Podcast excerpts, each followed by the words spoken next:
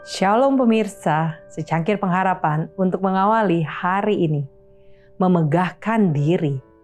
Tetapi sekarang kamu memegahkan diri dalam congkakmu. Dan semua kemegahan yang demikian adalah salah. Yakobus 4 ayat 16. Jika manusia dapat melihat sejenak di luar jangkauan penglihatan yang terbatas, jika mereka dapat melihat sekilas tentang yang kekal, setiap mulut akan berhenti memegahkan diri.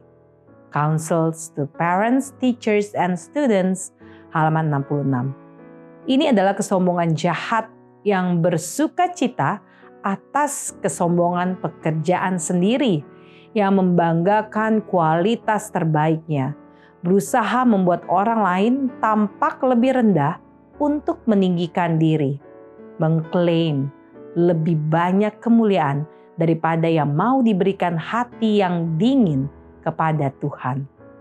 Murid-murid Kristus akan mengindahkan instruksi guru.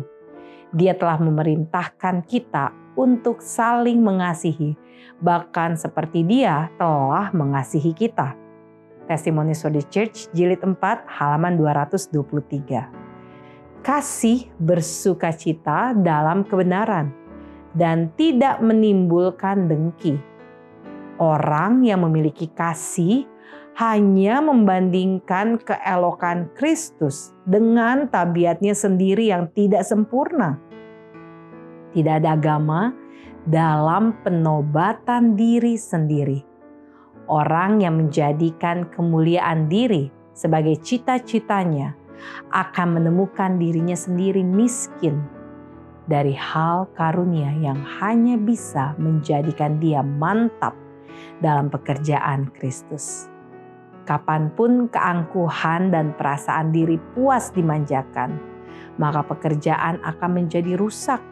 Kewajiban yang terkecil yang dilakukan dengan ikhlas dan dengan sepenuh hati lebih berkenan kepada Allah daripada pekerjaan yang terbesar tetapi dirusakkan oleh sifat mementingkan diri seri Membina Jilid 5 halaman 309. Setiap orang yang memuji dirinya sendiri menghilangkan kemasyuran dari usaha terbaiknya.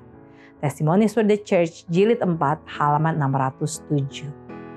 Sebagai kebanggaan diri mengenai jasa dalam diri kita sendiri tidak pada tempatnya.